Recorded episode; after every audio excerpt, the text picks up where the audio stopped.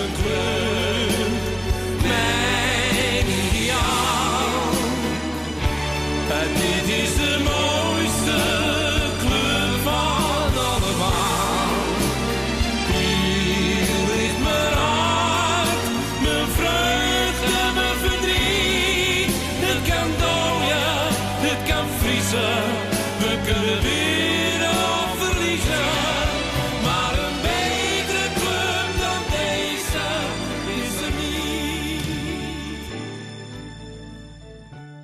Welkom Ajaxide. Fijn dat je luistert naar deze speciale klassieker editie van Mokum FC. De wekelijkse podcast over de allermooiste club van allemaal. Ajax uit Amsterdam. Mijn naam is Kevin Zwaven en met mij zijn Ajax1.nl hoofdredacteur Robbie Boerboom Hey. en sportjournalist Bas Scharwachter. Yes, aanwezig. En ja, vrijwel iedereen voorspelde voorafgaand aan deze wedstrijd eigenlijk een hele makkelijke overwinning voor Ajax. Iedereen was het er eh, unaniem over eens. Zelfs een, een groot aantal Feyenoord-sporters hadden al zoiets van, wij gaan niet eens kijken. Maar dat het zo makkelijk zou gaan, eh, wat vond je van de wedstrijd, Bas? Ja, natuurlijk begint het al na vijf minuten met die rode kaart. En ik vind het toch wel een beetje jammer dat het daardoor nooit een wedstrijd is geworden. Want ehm, dit is niet echt heel bevorderlijk voor de wedstrijd geweest. Hele domme overtreding van eh Sint-Juste. Echt ongelooflijk dat je dat in je hoofd haalt om überhaupt te doen. En ja, daardoor is het nooit meer een wedstrijd geworden. Dus het is niet echt, we hebben niet echt kunnen zien wat het krachtsverschil nou echt is, helaas. Nou ja, Gekke wedstrijd toch- ook, hè? Ja, heel gek. Maar toch zie je ook weer wel hoe groot het krachtverschil is. Want ja, Ajax heeft eh, denk ik, nou ja, misschien vijf minuten echt aangezet. En voor de rest eh, lekker rustig het wedstrijdje uitgevoetbald. En, en wint nog steeds heel makkelijk met 3-0. Ik, vond, Ja. eh, ik was best wel onder de indruk van het Feyenoord van de eerste vijf minuten. Nee, ik vond, nou, nou, onder de indruk, wow, dan moet ik, overdrijf ik misschien een beetje. Maar eigenlijk was Feyenoord in de eerste vijf minuten echt de baas. Ik, Ajax had helemaal niks te vertellen, vond ik oprecht. Tot die rode kaart. En toen is het, heeft Feyenoord niks meer laten zien. Eh, ze waren super slordig. Er was eigenlijk nul intentie. Weet je wat, dat harde Feyenoord dat we kennen, hebben we eigenlijk ook niet gezien. Eh, voordelig voor Ajax natuurlijk. Dus dat was wel jammer. Maar ik vond Feyenoord helemaal niet slecht beginnen. En dat sluit ook aan bij de woorden van Giovanni van Bronckhorst. Die zei, ja, bij elke uitgooi willen we ze vastzetten. Maar dat zag je wel. Ja, en toch vo- vond ik dat nog wel meevallen eigenlijk. Ik heb wel eens edities gezien waarin Feyenoord echt, echt heel erg aan het afjagen was. Eh, en ze deden nu wel een soort poging, maar ik had niet de, niet de indruk dat Ajax daar nou heel erg van van slag was. Eh, wat eerder natuurlijk wel zo is geweest in de klassiekers. Eh, en daarbij, ja, kijk, ze tikten het balletje misschien even een paar minuutjes rustig rond bij Feyenoord. eh, maar ik had ook niet de indruk dat Ajax nou al heel fanatiek begon. Ze, ze, keken even rustig van, nou, wat gaan ze doen? Wat gaan we verwachten? Ja, en toen kwam die rode kaart en toen was de wedstrijd al gespeeld eigenlijk.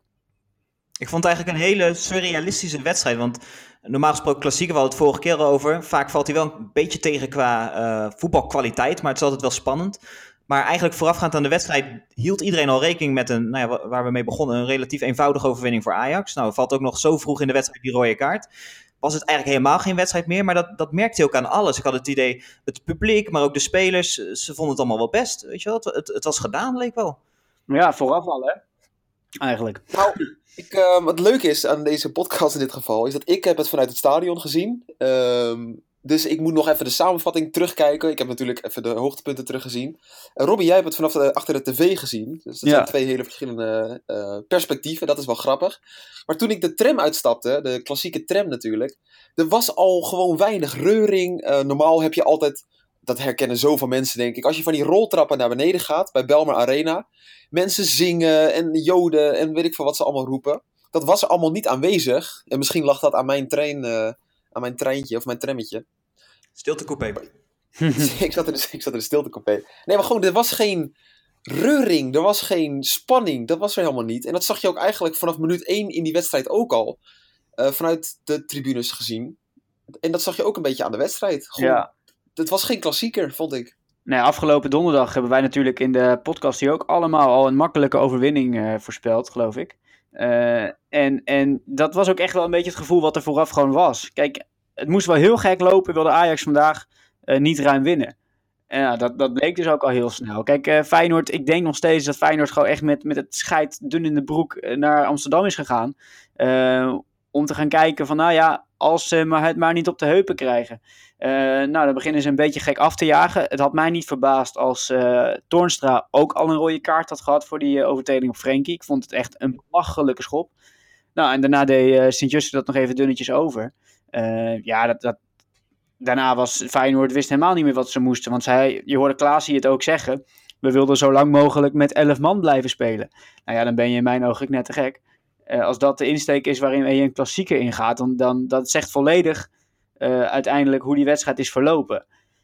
Want Ajax heeft geen seconde moeilijkheden gehad met Feyenoord.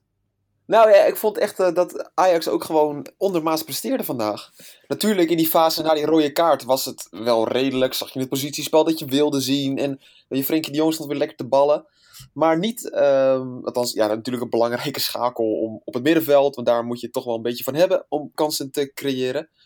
Maar ik vond het zo matig allemaal. En dat heb ik dan vanaf de tribune gezien. Dus het is altijd wel een beetje lastig om over te beoordelen of dat echt zo is. Maar uh, het, beetje, het voelt een beetje als een gemiste kans misschien wel. Ik denk vanuit heel veel uh, Ajaxiden gezien. Ja, klopt. Kijk, ik, ik zat dan thuis inderdaad. En ik heb me met Vlagen echt kapot zitten ergeren. Uh, gewoon omdat ja. het zo verschrikkelijk slordig werd gespeeld. En vandaag was het de kans voor Ajax om die Feyenoorders gewoon echt, echt bij de enkels af te zagen. En ze gewoon met 7-8-0 naar huis te sturen. Zeker met zo'n snelle rode kaart. Uh, met het aantal kansen wat je creëerde vlak na die rode kaart. Dat, dan, ja, dit was de kans om ze echt af te maken. En, en die kans hebben ze laten liggen. En dat vind ik heel zonde. Want ik denk dat een klassieker bij uitstek de wedstrijd is. waarin je ten alle tijden volle bak door moet drukken. En dat hebben ze niet gedaan. Het werd een beetje een hinder thuis. Waar ligt dat dan aan um, dat het zo gemakzuchtig werd? Is het dan kwestie van dat het lastig spelen is tegen tien man? Ik bedoel, het is de allergrootste wedstrijd van het jaar over het algemeen. Je weet het sentiment bij de supporters. Hè? Die willen niets liever zien dat de aardsrivaal volledig wordt afgemaakt. Nou, die, die kans heb je. Je bent kwalitatief veel beter. Je staat met een mannetje meer op het veld. Is het dan inderdaad dat stukje gemakzucht? Of uh, waar denk je dat het aan ligt, Robby? Nou ja, is het nog de grootste wedstrijd van het jaar? Kijk, Ajax heeft natuurlijk al een, een x-aantal hele grote wedstrijden gespeeld uh, in de Champions League. Waarin de, de sfeer gigantisch was. Waarin je echt het maximale uit jezelf moest halen. Tegen PSV uh, was natuurlijk ook een hele grote wedstrijd. En dat ging valikant mis. Maar Feyenoord die Ajaxiden zijn ook niet gek. Kijk, de, jongens die daar lopen, en Frenkie de Jong en, en, en Matthijs de Ligt, ja, die houden alles al in de gaten. Die weten ook dat Feyenoord niet de topploeg is die het zou moeten zijn. Dat, dat, je daar, dat je eigenlijk op papier veel beter bent. Dus die jongens die weten ook van tevoren al van, nou ja, als wij gewoon ons eigen spelletje spelen, gaan wij vandaag een makkelijke middag hebben. Denk ik. Ja, nou, kijk, ook als je kijkt naar de stand natuurlijk op de ranglijst, dan is dat verschil natuurlijk gewoon heel klein ik denk wel dat dit gewoon een wedstrijd is die er echt toe deed. En dat het dan. Uh, dat Ajax dan gewoon de vorm uit Europa dan kon meenemen. Daar konden ze op bouwen. En daardoor waren, was iedereen zo hoopvol gestemd over de wedstrijd. Maar uh, dit was toch wel gewoon weer een echte klassieker. Alleen je ziet het niet terug aan de wedstrijd. Dat is jammer. Inderdaad, door het krasverschil in de selecties. Die is op dit moment gewoon heel groot. Maar ja, dat, dat is wel een dingetje eigenlijk. Vind ik persoonlijk. Want het is wel. Uh, is ook zo. Alleen ja, je merkte wat jij zegt. Je merkte het op het station al. Je merkte het in de sfeer in het stadion. Er was een leuke vuurwerkshow en een mooi spandoek op de F-site. Uh, mooi, ja. Maar uiteindelijk, zoveel sfeer heb ik tijdens de wedstrijd niet gezien. Dat had natuurlijk ook mee te maken met hoe Ajax uh, speelde.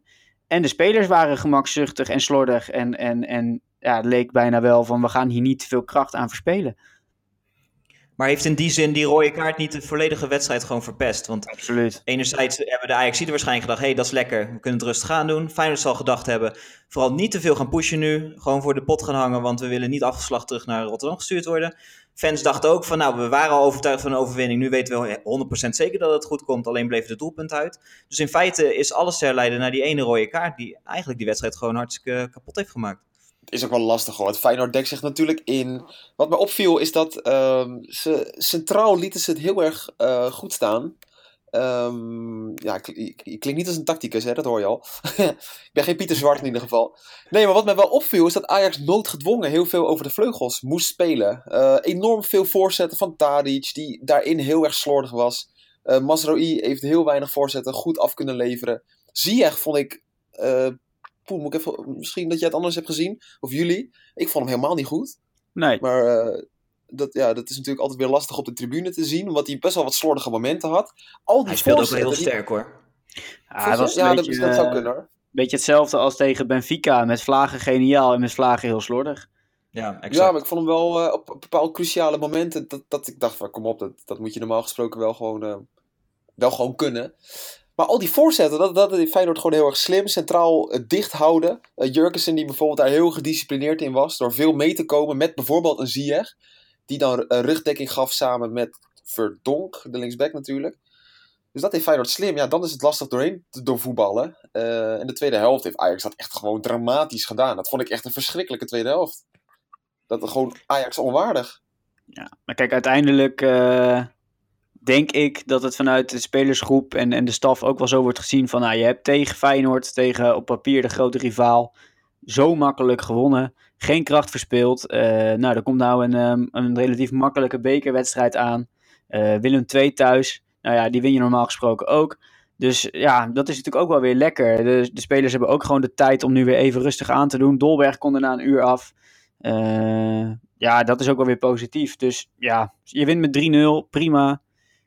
Er was meer uit te halen, maar ik denk dat zij het echt een beetje zo zien van, nou, prima zo. Over Dolberg gesproken, speelde ook ongelukkig, ja. hè? Zo, Kevin, goed dat je het zegt. Ik wilde net over beginnen. Maar ik vond hem tegen Benfica ook al niet uh, sterk. En dat heb ik wel vaker bij Dolberg. Dat, ik vind hem echt ik vind hem waanzinnig goed. Laat dat duidelijk zijn. Uh, staat buiten kijf dat hij gewoon in de basis moet starten. Alleen zijn inbreng, of zijn, uh, zijn aandeel in een wedstrijd, vind ik wel heel vaak heel beperkt. En ook tegen Feyenoord. Met de, je moet gewoon de bal kunnen aannemen. Je moet um, rust aan je team kunnen geven. Huntelaar is daar niet heel goed in. Die heeft andere kwaliteiten. Heeft dat wel ontwikkeld dit seizoen. Maar je zou van Dolberg verwachten dat hij wel die man is die met zijn techniek de bal aan kan nemen. Waardoor een Ziyech, een Tadic en Van de Beek kunnen aansluiten. En waardoor je op voort kan borduren. Maar dat heeft Dolberg eigenlijk niet helemaal goed in zich. Althans, hij laat het te weinig zien. Nou, ik heb daar wel een theorie over. Want uh, ik heb dus heel sterk de indruk, en dat geldt voor Huntelaar, maar dat geldt ook voor Dolberg. Die zijn eigenlijk de dupe uh, van het systeem en van de spelers die om hen heen staan. Want, want een Ziyech en een Tadic leveren bijzonder weinig ballen af bij de spits. Uh, dat geldt ook voor als Neres speelt. Die levert ook niet heel veel ballen naar de spits. Dus die jongens moeten met, met heel weinig balcontacten, moeten zij uh, een wedstrijd zien te beslissen of een gro groot aandeel zien te hebben. En dat is natuurlijk ook daardoor extra moeilijk. Voor Dolberg uh, geldt daarbij ook nog eens dat hij natuurlijk nog niet heel veel wedstrijdritme heeft, heel lang eruit geweest. Waardoor een aanname misschien ook wat sneller fout gaat. Maar je ziet met Vlagen, zie je wel bij hem gewoon wel weer die, die ja, gigantisch goede techniek en dat, dat stijlvolle wat hij in zich heeft. Uh, ik herinner me een, actie langs de zijlijn waarin hij twee spelers eigenlijk heel makkelijk voorbij speelt. Daar kwam een, een ingooi uit en daarna nog weer een kans. Uh, voor Dolberg ook. Dus ja, ik denk dat er voor de spits heel weinig eer aan te behalen is op deze manier. Maar al die voorzetten van vandaag. Ja, die kwamen allemaal niet op de goede plek, hè? Ik zit even snel op te zoeken of iemand dat heeft genoteerd. Ik denk dat ik bij de verkeerde sites aan het kijken ben. Maar mensen mogen dat allemaal uh, op Twitter achterlaten in de reacties hoeveel er waren. Ik ben er echt wel benieuwd naar. Het waren er echt bizar veel. Alleen al het aantal corners, dat, uh, dat is bijna een record volgens mij. Althans, eerste helft in ieder geval. Tweede helft wat minder. Um, en uh, daar, hij, hij, heeft nul keer überhaupt een kopbal gehad. Ja, maar dus dat doet hij ook niet aan hem. Dat geloof ik echt niet. Nee, daar sluit ik me aan bij Robbie, want die voorzetten waren over het algemeen niet heel erg goed. En daarnaast, ik denk inderdaad wat Robbie ook aangeeft, onderschat niet, hij is er heel lang uit geweest. Eigenlijk geen tijd gehad om, uh, om te wennen aan, aan dit systeem nog. Hij heeft natuurlijk nog niet heel veel gespeeld, moet ook nog wedstrijdritme opdoen. Maar bij Vlagen laat hij toch wel zien dat hij over heel veel talent beschikt wordt. En dat hij die, die meevoetballende spitsenrol echt wel, uh, echt wel kan vervullen. Ik geloof echt wel dat Dolberg in de loop van dit seizoen alleen nog maar beter gaat worden. Vooral als hij straks ingepast is. Ik Dan kan ik heel flauw zijn door te zeggen dat Ajax geen kleuterschool is, waarin je gewoon er moet staan als je fit genoeg bent. Uh, in het geval van Dolberg is dat, dat, ja, dat meen ik natuurlijk niet. Maar goed, ik vind wel dat hij uh, het, het, wat meer moet laten zien, ook gewoon in het spel. Want qua doelpunten en alles is hij echt wel belangrijk. En natuurlijk heeft hij zijn kwaliteiten, ik weet het ook wel. Hij trekt ook heel goed gaten voor zijn medespelers. Uh, dus het is een hartstikke nuttige spits. Alleen, ja, gewoon zijn aandeel in het spel vind ik best wel beperkt in combinatie met het feit wat of wat hij kan. Hij heeft zoveel in zich. Hij is zo'n goede voetballer. Technisch zeer verfijnd. Uh, ik zie dat gewoon te weinig, laat ik het dan zo zeggen. En terwijl ik weet dat hij dat kan. Dat hij uh, in het jaar onder Peter Bos in de Europa League werd, werd ja, hij ook, blonk ook heel erg uit, mede samen met Traoré in de omschakeling. En in de, in de, de, de snelle aanvallen naar voren. En die zijn er niet zoveel meer, omdat Ajax gewoon voortdurend aan de bal is. En, en uh, heel lang doorcombineert. En zeker zo'n Tadic, uh, die heb ik nog nooit een actie op snelheid zien maken. Waarin hij gewoon in één vloeiende beweging die voorzet geeft. Hij moet eerst twee, drie keer terugkappen, nog twee schaartjes doen. En dan komt de voorzet. Ja, dan staat ondertussen de hele verdediging opgesteld. En zie dan nog maar eens ruimte te krijgen om die bal te koppen. En als de voorzet dan ook nog een beetje matig is, is daar voor hem gewoon echt geen eer aan te behalen. En je ziet het ook aan Huntelaar in het laatste half uur. Ik denk dat hij twee ballen heeft gehad. Meer is niet geweest. Ja, dat, dat is ook iets uh, om naar te kijken. Van nou ja, de spits is toch de man die de doelpunten moet maken. Hoe krijg ik die spits aan de bal? En dat gebeurt nu niet. Over Doorberg, laatste puntje. Het zit hem ook een mm -hmm. beetje in de positionering. Dat, uh, ik snap ook wel dat hij tegen Bottegien Van der Heijden staan. Uh, nu is Van der Heijden niet heel veel groter, maar Bottegien ja, die steekt hem met kop en schouders bovenuit. Natuurlijk is dat lastig als je daartussen staat. Maar ja, je hoopt dan net dat, dat Dolberg extra kwaliteit heeft om wel een keer op die goede plek te staan. Of het, of het moet gewoon getraind worden van nee, die bal die komt uh, op de rand van de 16. Of hij komt bij de tweede paal in plaats van de eerste paal. Wat ja, de eerste paal is hè, in voetbaltermen toch wel een beetje de paal van de spits. En dan kan de diepgangende speler kan vaak uh, de andere paal pakken. Maar ja, dat soort dingen, dat, ja, dat mis ik. Ja, maar waar dat uh, fout gaat, Bas, is dus weer dat, dat het te lang duurt voordat die voorzet komt. Kijk, uh, ja. op het moment dat je dus... Positionering is natuurlijk heel belangrijk. Maar die positionering, als je inkomt... Uh, tegelijk met je buitenspeler... en dan kan kiezen voor de eerste paal of de tweede paal... omdat het op snelheid gaat...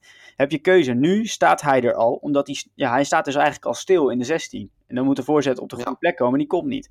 Dus dat maakt het heel moeilijk. En ik, ik denk echt dat als die bal een keer op snelheid over de flank komt... en dan snel voorgezet wordt in een vloeiende actie... Uh, dat voor hen er veel meer eer aan te behalen is dan wanneer de buitenspeler drie, vier, vijf keer terugkapt. Maar dat was sowieso wel kenmerkend voor, uh, voor het spel van vandaag. Hè? Dat er weinig loopacties, heel laag tempo. Ja. Uh, ik denk dat het niet specifiek ja. met, met Dolberg te maken had, maar ook gewoon in het algemeen hoe, ja, hoe het hele elftal opereerde. Laten we afspreken dat we dat we hier een soort even projectje van maken. Dat we dit even in de gaten gaan houden. Gewoon even de bijdrage van Dolberg. Ik klink overigens heel negatief. uh, bedoel ik natuurlijk echt niet zo. Want uh, het is een fantastische spits. Maar ik vond zijn aanbreng gewoon wat te weinig. Misschien dat het momentopname is tegen Benfica en Feyenoord. Twee moeilijke tegenstanders. Uh, ik ga het even in de gaten houden voor jullie. Hij staat genoteerd. Bijdrage Dolberg. Laten we iedere week gewoon netjes even terugkomen. Jazeker. Ja. Kunnen we het even bespreken. Frenkie de Jong, die, uh, ik, ik, las enige tijd geleden een interview met hem waarin hij aangaf van ja, ik moet wat meer gaan scoren, wat meer assists gaan geven. Uh, hij, hij, speelt goede wedstrijden, maar wilde toch meer iets betrokken bij, zijn bij die, bij die doelpunten. Had hij eindelijk een doelpunt kunnen maken? Wordt het een eigen doelpunt voor Bijlo? Ja. ja, dat was natuurlijk ook gewoon een heel, heel dramatisch schot en nog veel dramatischer gekiept. Dat, dat, leek natuurlijk helemaal nergens op. Uh, maar dat, het is wel iets waar, waar, Frenkie weinig bij betrokken is. Weinig assist, weinig doelpunten. Maar hij is natuurlijk wel degene die, die daarvoor een opening creëert. En, en die er dan voor zorgt dat iemand anders die assist kan geven of die, dat doelpunt kan maken. Daar is hij heel belangrijk in. Zeker, en speelde nu ook al weer een hele sterke wedstrijd. Ja. Ja, dat wel. Maar ik denk ook dat dat wel een beetje de reden is waarom hij niet de uh, nummer 8 is van Ajax. Want bij Jong Ajax speelde hij samen met Apinouri en met Van de Beek speelde hij, ik meen vaak als nummer 8. Uh, corrigeer me als het fout is. Maar dan had je vaak Van de Beek op 6. In Eiting bijvoorbeeld. En dat is in de loop van het seizoen is dat wel veranderd. Maar uh, hij levert wel te weinig assist en doelpunten op. Terwijl hij dat echt wel ook in zich heeft. Uh, dus daarom speelt hij dan misschien vanuit deze controlerende rol.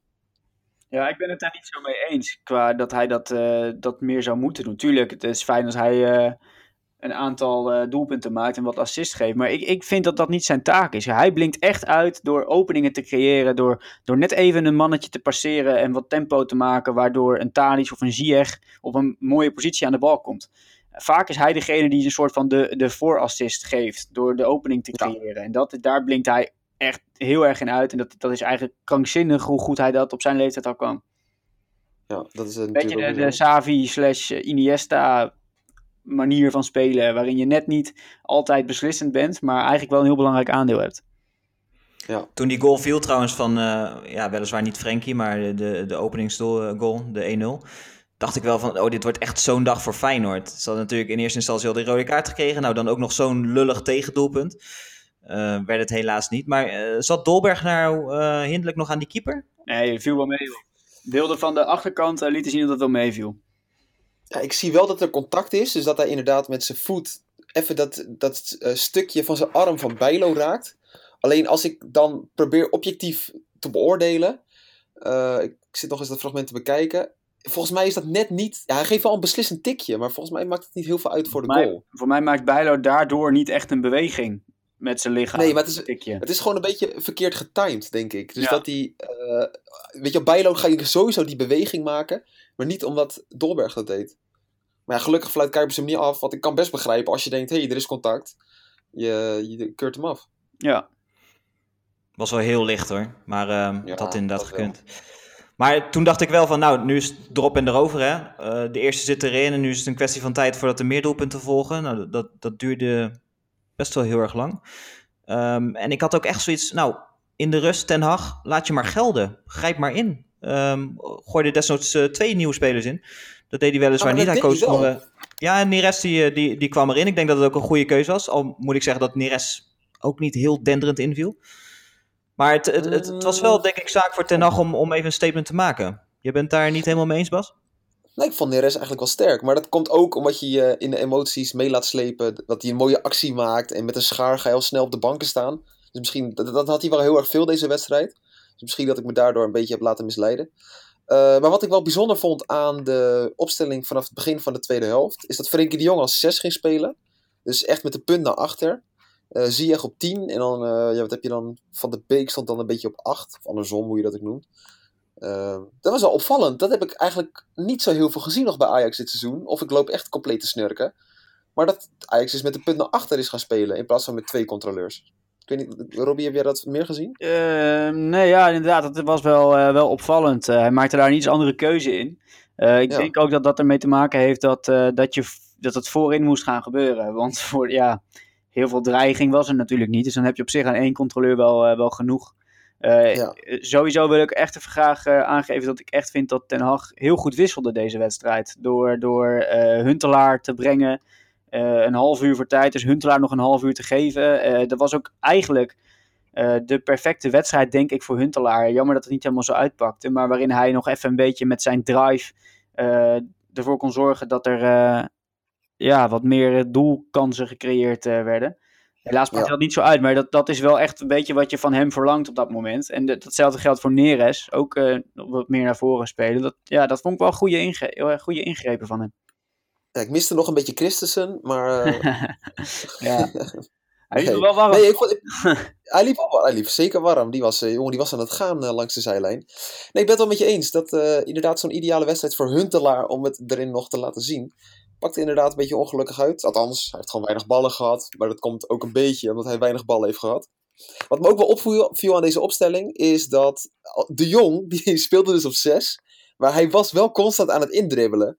Vond ik wel jammer, want eh, dat betekende dat Ziyech zich de hele tijd moest laten, in, of, eh, laten afzakken. Dus eh, er was veel minder gevaar van Ziyech in de tweede helft, omdat de Jong maar bleef gaan. Vond ik wel een geinig feitje.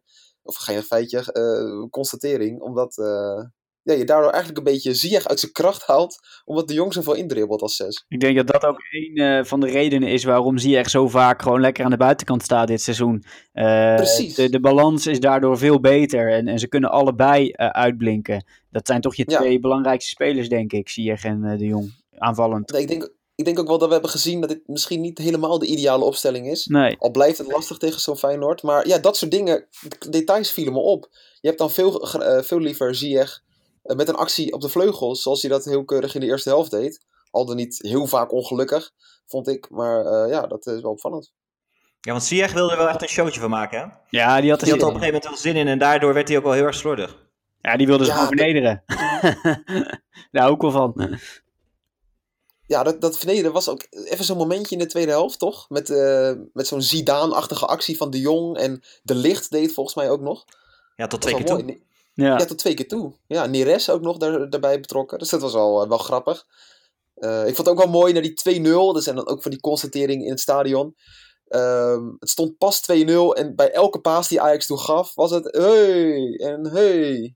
Weet je wel, alsof het een soort gala-voorstelling was dat Ajax aan het geven was. Ja, dat moest het worden op dat moment, eigenlijk. Kijk, eh, het- inderdaad, ik denk dat iedereen op dat moment verwachtte van, nou, nou gaan we er even voor zitten, nu gaat het gebeuren. Dit Feyenoord wordt helemaal afgeslacht. En dat is niet gebeurd. En dat is het enige wat je Ajax vandaag wel echt kan verwijten. Dit was gewoon echt je kans om, om de, de eigen supporters een, een geweldige middag te bezorgen, om, om Feyenoord diep de grond in te trappen.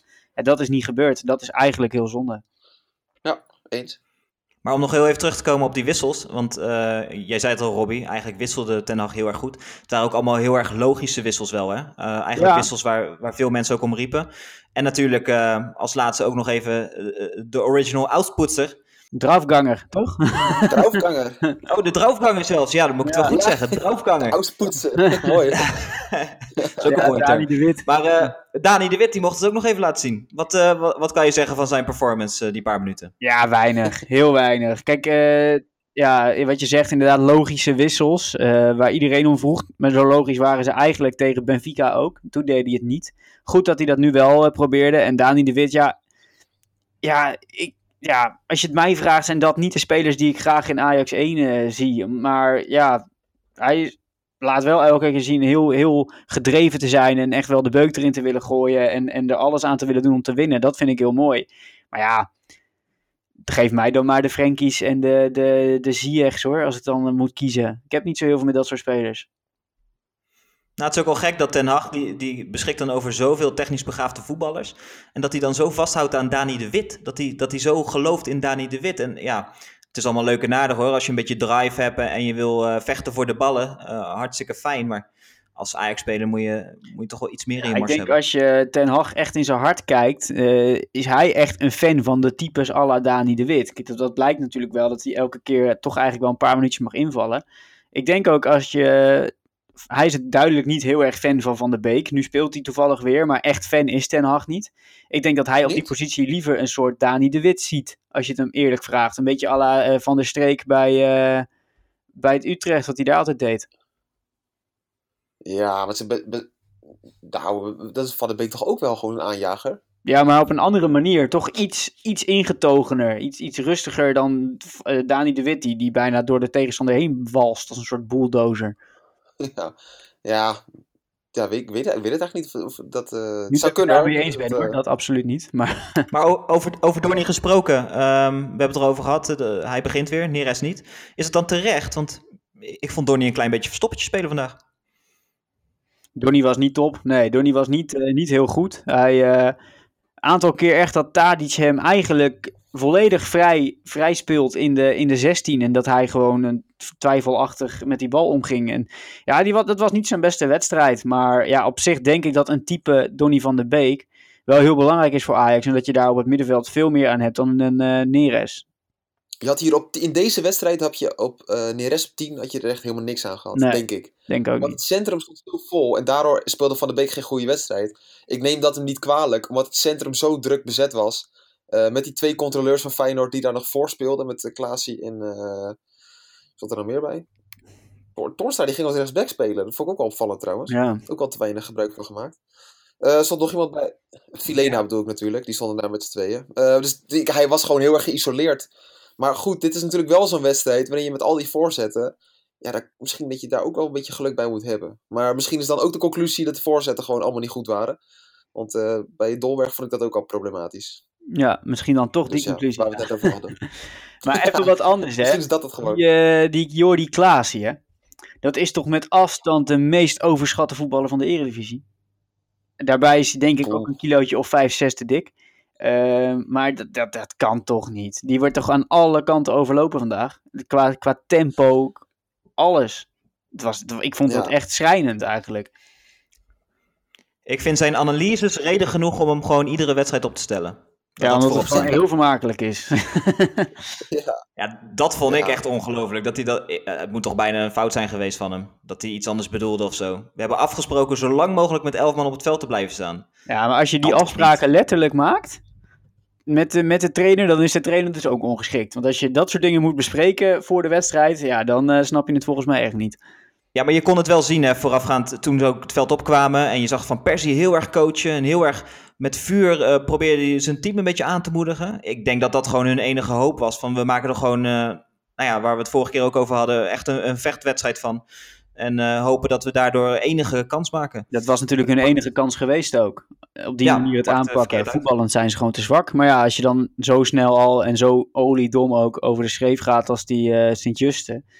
Ja, dan, eh, dan ben je totaal kansloos. Ja, ja ik, ik, wat ik wel van Klaasie had verwacht, en dat heb ik eigenlijk, want eh, volgens mij wilde ik net nog een punt met Tadic aanhalen, eh, Kevin, maar dat mis- misschien zo meteen nog over hebben nog. Eh, dat Klaasie niet echt heel erg brengt als je kijkt wat voor ervaring die allemaal heeft opgedaan in Engeland. Eh, niet superveel gespeeld, dat weet ik allemaal wel. Maar ja, hij ging natuurlijk weg als de grote man van Feyenoord. En daar komt hij ook weer terug als de grote kleine man. Met extra bagage. Maar dat je extra echt kilo's. niet aan af. ja, dat, ja, is dat zo? Ja, ik heb die Dat, indruk, eh, maar ik heb die indruk bij Toornstra ook een beetje. Dat hij ook veel forser is dan dat hij is geweest. Maar dat weet ik niet. Maar is dat ook niet een beetje het Royston Drenthe effect? Kan. Want die ziet er ook super dik uit. Terwijl die volgens mij een vetpercentage van, wat zei die, 8%? Eh, Dat is gewoon echt eh, op Ronaldo niveau bijna. Cristiano Ronaldo niveau. Voor de duidelijkheid. Bij die andere Ronal- Ronaldo is het 80%. Maar zonder al te veel eh Feyenoord-spelers uit te lichten. ehm Klaasie heeft toch niet zo heel veel extra bagage opgedaan. Eh, in Engeland heeft hij volgens mij amper gespeeld. En in België was het nou ook niet echt een, een uitblinker of zo. Of dat hij, eh, dat hij van hele grote waarde is geweest. Nee. Nee, klopt. Maar het is natuurlijk wel, die trainingen maak je allemaal mee. En eh, ja, dat is waar. ja, dat soort dingetjes, weet je wel. Kijk, je moet toch wel, net als met Blind eigenlijk. Ik had echt verwacht. Ik vond hem vandaag volgens mij wel aardig hoor. Ik vond hem heel Maar ehm, ja, ik vond hem eigenlijk heel goed. Eh, ik wilde hem een beetje indekken. Fantastisch. Eh, maar als je kijkt hoeveel wedstrijden hij heeft gespeeld en wat dan het verschil is tussen de blind die wegging en die er nu is, vind ik dat verschil misschien wel iets te klein. Ben ik het niet mee eens. Als je zoveel wedstrijden bij Manchester United hebt gespeeld, ja, ik verwacht natuurlijk niet dat daar een of andere Messi nu achterin bij Ajax speelt. Maar ja, ik vind het toch wel eh, soms wel eens schrikbarend dat ik denk, oh, is dit het niveau dan? Ja, Vandaag ik- niet, ja. maar Nou ja, ik wel. vind met Blind dat hij eh, qua positionering echt, echt uitblinkt. Eh, dat hij daar, kijk, natuurlijk, Matthijs de Ligt naast hem is gewoon eigenlijk een natuurtalent. Maar Ja. ik vind echt dat Daley Blind echt qua positionering zo slim is. Hij staat eigenlijk altijd goed. En juist eh, omdat hij natuurlijk eigenlijk eh, niet kan belopen, eh, blinkt hij daar heel erg in uit. En, en ook vandaag vond ik echt dat hij heel belangrijk was met, met precies de goede momenten kiezen om in te stappen. Daar heeft hij echt een aantal keer de counters er wel goed mee uitgehaald. ja, dat wel. Nee, dat klopt, dat klopt ook wel natuurlijk. Is dat het ook niet met Daily Blind? Dat hij in een bepaald, hij heeft bepaalde specifieke kwaliteiten waarin hij nog beter is geworden. Misschien wel heel erg goed zelfs. Ja. Maar dat hij ook gewoon bepaalde eh, zaken eh, zwaar tekort komt. En die zal hij ook niet zo 1, 2, 3 heel erg gaan verbeteren. En dat zullen altijd zijn, eh, zijn zwakheden blijven. De 100 meter in 10 seconden lopen, dat gaat hij niet doen. Dat, dat zit er niet in. Niet? Nee, en, en, en hij gaat ook niet ineens Rico Verhoeven verslaan, want heel sterk is hij natuurlijk ook niet. dat zit er niet in. Maar Had ja, nog wel een mooie solo eh, het 16 meter gebied in, hè? ja, klopt. Ja, Ja. Verbaas ik me ook over. ja. Maar ik denk als, als iemand. Ja, maar als iemand daar een been tegenaan zet, dan is het gewoon 100% een penalty. ja, Zeker. Maar hij, hij, ja, in de kluts kwam hij, raakte hij hem net kwijt. Maar dat was wel een mooie actie. Want kijk, dat zijn van die momenten. Dat verwacht je niet als verdediger. Ik bedoel, je- iedereen, als je op voetbal zit, dan, heb je, dan kan je na 10 minuten zien wie er kan voetballen. Dan weet je echt wel dat die, die kneus op linksbuiten echt niet binnen doorgaat en gaat schieten. Omdat hij er niks van kan. En dan ga je hem ook niet zo verdedigen. Dus dat vond ik wel grappig van Blind. Je had nooit verwacht dat hij zo'n druk eruit ging gooien. En bijna eh, lukte het hem. Ja, maar je kon wel zien dat, dat hij dat beter misschien niet te vaak kan doen. Nou, hij raakt een beetje paniek. Het is een beetje als ik, eh, als ik een actie maak en het gaat net verkeerd, maar dan kom ik één op één op de keeper. Dan denk ik ook van, hé, wat moet ik nou doen? Ja, dan schrik je een beetje. bij hem misschien uit. Ja, zo van, wat gebeurt me nu? Nou ja, wel mooi. Hé, hey, maar wilde jij nou nog een punt maken over Tadic, eh, Bas? Eh Tadic, ja. ehm, ehm, kijk, in zo'n wedstrijd als vandaag. Wat zie je dan aan Tadic? Dit is even een algemene vraag en dan ga ik hem zelf misschien ook nog even beantwoorden. Wat zie je aan Tadic dat hij een beetje de grote man is uit de Premier League? Bij Southampton weliswaar. Maar qua assist en zo, Robbie. Eh, heel weinig. Heel weinig. Eh, Ja, toch? Ik vind alleen dat hij eh, heel goed is in de bal bij zich houden.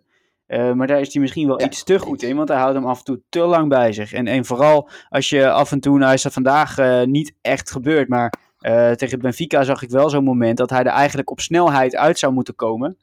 En dat ontbreekt heel erg. En, en ja, ik denk dat als je zoveel ervaring hebt, als dat hij zogenaamd heeft, en ook echt wel heeft, dat, er, dat hij beter in staat moet zijn om beslissende passes te geven in zulke wedstrijden. Ja, nou, dat vond ik dus ook een beetje. Kijk, ik ben heel erg fan van Tadic. Ik vind het een enorm goede voetballer. En, maar dingetjes zoals tegen Standard Luik, die wedstrijd waarin hij fenomenaal speelde, met die goal en die assist op Huntelaar toen was dat. Weet je wel, met die schaar Ja. aan de rechterkant. Standaard Luik uit was dat. Ja, dat soort dingetjes mis ik toch wel eens bij hem. En ook vandaag heb, heb ik het weer over die voorzetten. Sorry. Eh, maar dat is toch een beetje zijn kwaliteit ook. Dan denk ik, nou, die had hem best wel een aantal keer op de stropdas kunnen leggen. Maar dat zie ik soms een beetje te weinig. Maar dan ben ik ook wel heel erg kritisch. Ik zag het vandaag ook voorbij komen hoor. Ehm, op Twitter las ik het van iemand die zei ook, en daar ben ik het helemaal mee eens, en eigenlijk sluit ik me dus ook aan bij, eh, bij wat jullie zeggen, maar ehm, dat hij in die voorrondes van de Champions League was hij echt uitstekend. Was echt Ja. fantastisch. Echt in een hele goede vorm. Maar sindsdien zit er eigenlijk een beetje een dalende lijn in zijn, in zijn spel. En een, al een aantal wedstrijden op rij dat je denkt van ja, hij doet leuk mee, eh, maar niet meer dan dat. En wat Robbie ook aangeeft, hij houdt die bal wel heel erg veel bij zich. Nou, ik zou hem wel eens op 10 willen zien. En eh, niet dat dat de ideale oplossing is. Dus ik, wil, ik pleit niet op, voor Tadic op 10. Maar gewoon qua kwaliteiten denk ik echt dat hij eh, met de bal afschermen, met zijn steekpaas, met zijn inzicht, dat zou hij heel goed kunnen. Ik denk niet dat het ideaal is in dit Ajax. Maar ehm, ik vind dat hij te vaak aan de zijlijn geplakt is. Alsof dat een soort taak van hem is. Ja, Waardoor hij te weinig in het spel betrokken is. En natuurlijk heeft hij niet die kwaliteit van Ziyech om supersnel binnen door te gaan. En daardoor speelt Ziyech wat meer naar binnen. En Tadic een beetje aan de kalklijn vastgenageld. Ehm, ja, dat vind ik wel eens jammer. Je kan hem veel meer in het spel betrekken. Want hij is zo waanzinnig goed. Ja klopt. Kijk, Ziyech, eh, Ziyech en Tadic, die, die blinken qua creativiteit natuurlijk wel echt uit. Zij kunnen echt uit het niets een kans creëren. En hij heeft dat al een aantal keer bijvoorbeeld gedaan met een, met een lopje eroverheen. Of dat soort dingen. Daar, daar heeft in andere wedstrijden heel erg eh, veel kansen mee gecreëerd. Maar ja, Ja. ik vind wel inderdaad dat, dat het af en toe ontbreekt aan de, eh, het juiste moment om je spits of een inkomende middenvelder te bereiken. Ik denk dat daar nog winst in te behalen is om op het juiste moment diegene oog in oog met de keeper te zetten. Eh, waar ze heel goed kunnen combineren en mooie acties kunnen maken. Eh, en vooral Ziyech, die geeft af en toe ineens een splijtende paas al heel vroeg of een voorzet. Maar dat, dat zie je Tadic en ook de middenvelders te weinig doen, vind ik. Ja. Ja, en hij kan het echt wel. Dus ook dit weer zo'n dingetje net als Dolberg. Het klinkt natuurlijk heel negatief. Maar meer een soort van... eh, te- mag ik het teleurstelling dan noemen? Van, oh, je kan het, kom op. Maar je laat het nog te weinig zien. ik dek me heel erg in nu, hè? een beetje Nee, maar je punt is dit. Dat dacht ik ook. Ehm, maar ik, ik wil toch liever deze wedstrijd wel gewoon afsluiten met, eh, met wat positieve punten. Want eh, laten we eerlijk wezen. We hebben vorige week, vorig weekend Heerenveen 0-4 verslagen. Altijd best wel een lastige uitwedstrijd. Benfica met 1-0 verslagen. Nu Feyenoord even met 3-0 afgedroogd en opgerold. Al met al mogen we best wel een klein beetje tevreden zijn. Ja, fantastische week. Dat, dat, daar, teken je natuurlijk direct voor. En, en 3-0 tegen Feyenoord, ja, dat, dat hoop je. Alleen zoals de wedstrijd liep, was daar misschien meer uit te halen. Maar ja, uiteindelijk eh, doe je hele goede zaken. eh, en eh, is dat heel belangrijk dat je deze wedstrijden op deze manier wint. Dat is echt ja, top. Des te zuurder dat PSV dan toch weer ehm, weet te winnen. hè? Gadverdamme nou. Jezus. Dumfries op de brommer, hè? Een fantastische goal, ja. Maar dat die, dat die Chabot hem eh, geen ongelofelijke doodschop geeft, dat, dat begrijp ik echt niet. Dat is toch bij uitstek het moment, een paar minuten voor tijd, om te denken, nou ja, dan maar met de grote vanaf, maar hij gaat nu niet door. Lijkt mij. Ja, maar weet je, wat ik wel vind, is dat als PSV ook dit soort wedstrijden gaat winnen. Kijk, ze hebben al die wedstrijd tegen PEC gehad, meen ik. Was dat PEC? Die, die Ja, uitwedstrijd in ja, de laatste ja, ja, minuut? Ja, volgens mij wel. Ja, en nog zo'n potje tegen Fortuna, Sittard, meen ik. Ja, en dan hebben ze dit weer. En kijk, Fortuna was anders, want toen was PSV eh heer en meester. Verte- een geweldige wedstrijd.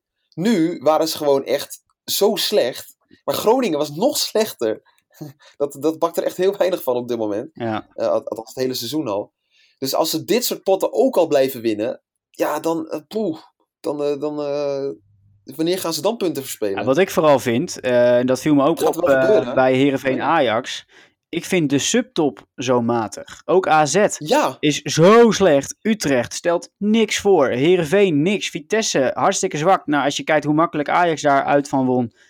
Nou ja, er zijn jaren geweest dat je gewoon echt wel heel blij moest zijn dat je daar een 1-0'tje eruit zou slepen. Maar nu weet je gewoon, nou, weet je, als de, als de wedstrijd normaal loopt, winnen we vandaag met 3-0. Ja, of zitten zij nog gewoon op hun, op hun reguliere niveau, alleen zijn PSV en Ajax zoveel beter geworden. Want als je ook kijkt naar de nou. prestaties in de Champions League, ehm, ik, ik denk gewoon dat de, de kwaliteit van Ajax en PSV dusdanig veel beter is geworden. Dat kan je ook terugzien aan Nou, de ja. miljoenen die zijn geïnvesteerd in het versterken van die selecties. Klopt. Ik denk dat het Ja. juist andersom is. Nou ja, ben, ben ik wel met je eens. Alleen kijk naar de selectie van Groningen. Weet je wat, daar mist een. Daar, daar heeft gewoon Suarez gespeeld. Daar heeft Tadic gespeeld. Daar heeft. eh Nefland. eh, Nederland. Noem je Mariano. Nee, maar Bombarda. Nou, nou, zoiets. Kijk, dat soort type spelers, dat heb je nu ook niet meer lopen bij Groningen. Althans op dit moment.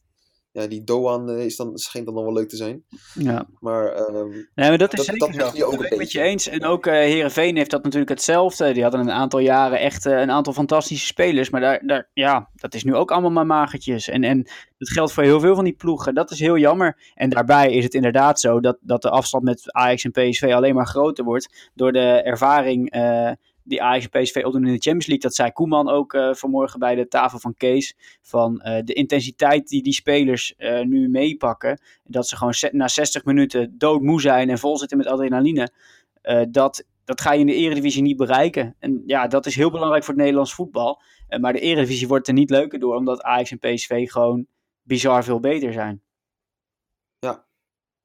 Ja, dat blijkt ook wel uit de onderlinge resultaten. Ja, Dat, eh, dat het verschil erg groot is. maar wel heel jammer. Eh, ja, dat zeker. Voor de spanning ook in de competitie. ehm, en de geloofwaardigheid van, van de competitie. Maar het mogen duidelijk zijn dat Ajax wel aan de bak moet om, om PSV bij te benen. Ik denk eh, wat Bas ook al aangeeft, dat PSV, als ze zo doorzetten, erg weinig punten gaat verspelen dit seizoen. Ja. En eh, ja, het zal voor Ja, Ajax zaak zijn om... Ook, om maar je staat er al 7 Ja. achter, of 5 moet ik zeggen. Ja, ja, ja, nee, vorig jaar had je een aantal van die wedstrijden. Weet je wat, dan wist je van tevoren, dit gaat pijn doen. Eh, dit seizoen heb je dat al met Heracles gehad, wat gewoon een, echt een onnodige, onnodig gelijk spel was.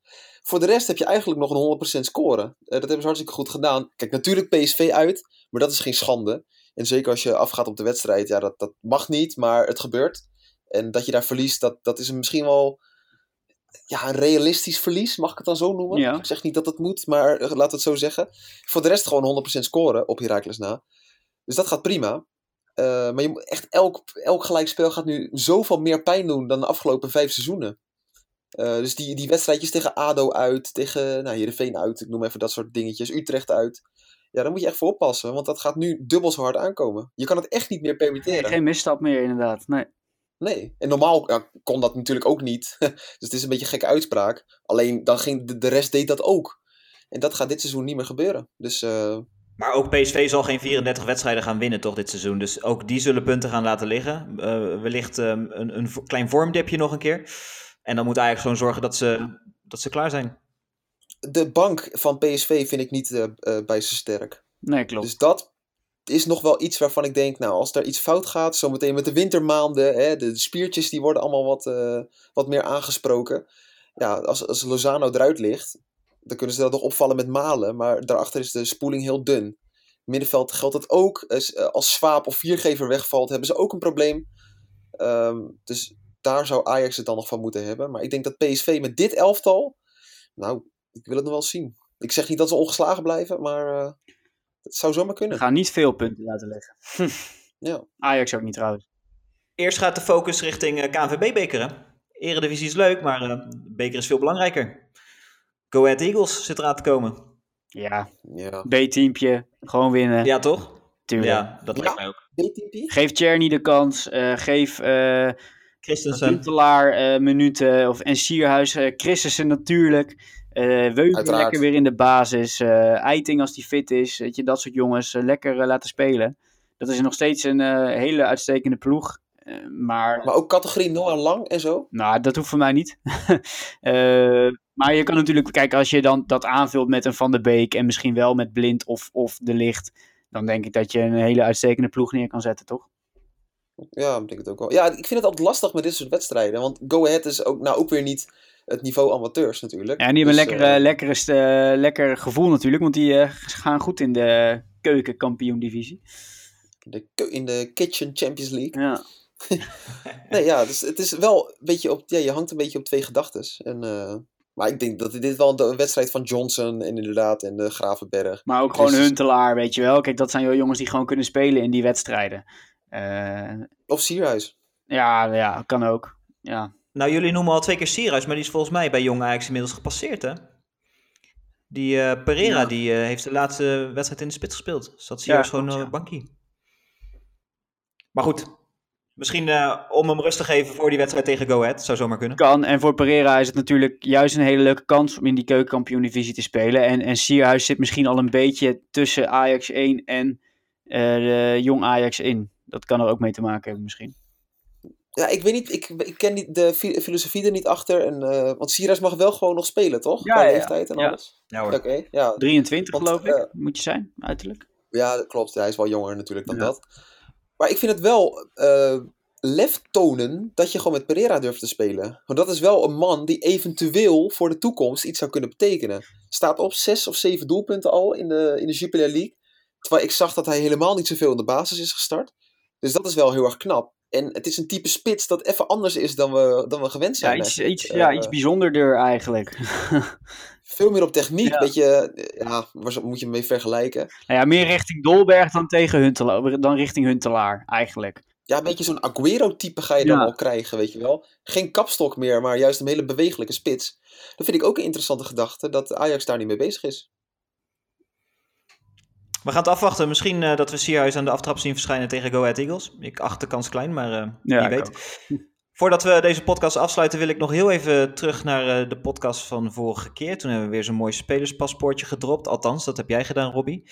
Daar is een winnaar uitgekomen. En dat is inmiddels een naam die we vaker voorbij zien komen. Dat is Yuri U. Die had hem eh, vorige keer ook al goed. En eh, ditmaal was hij zelfs de snelste. Maar ook even Tom Harting benoemen. Ook een bekende inmiddels. Maar die had hem ook goed. En aan jou de eer, Robbie. Wat was het correcte antwoord? Anthony Obodai. Ja, ja, Jawel. Ja, dat was een, eh, een mooie breker. Ghanese strijder. Ja. Weinig Ja, gespeeld, maar wel een ja, leuk, eh, leuk karakter in die ploeg die je toen had met al die grote talenten. Dat, dat hij er dan tussen stond, dat was toch wel geestig eigenlijk. Goed voor de balans. Ja. ja, nou inderdaad. Ja. En heb je voor deze week ook nog eentje uit kunnen kiezen? ja, laten we maar weer doen hè. Ik Let's eh, go. heb even zitten kijken. Daar komt hij.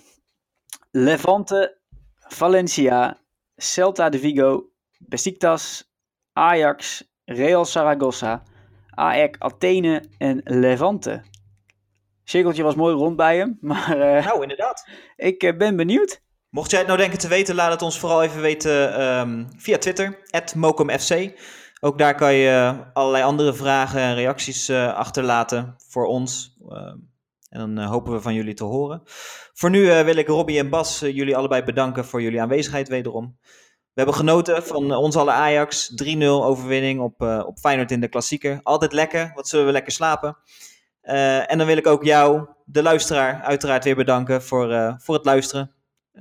En tot de volgende keer.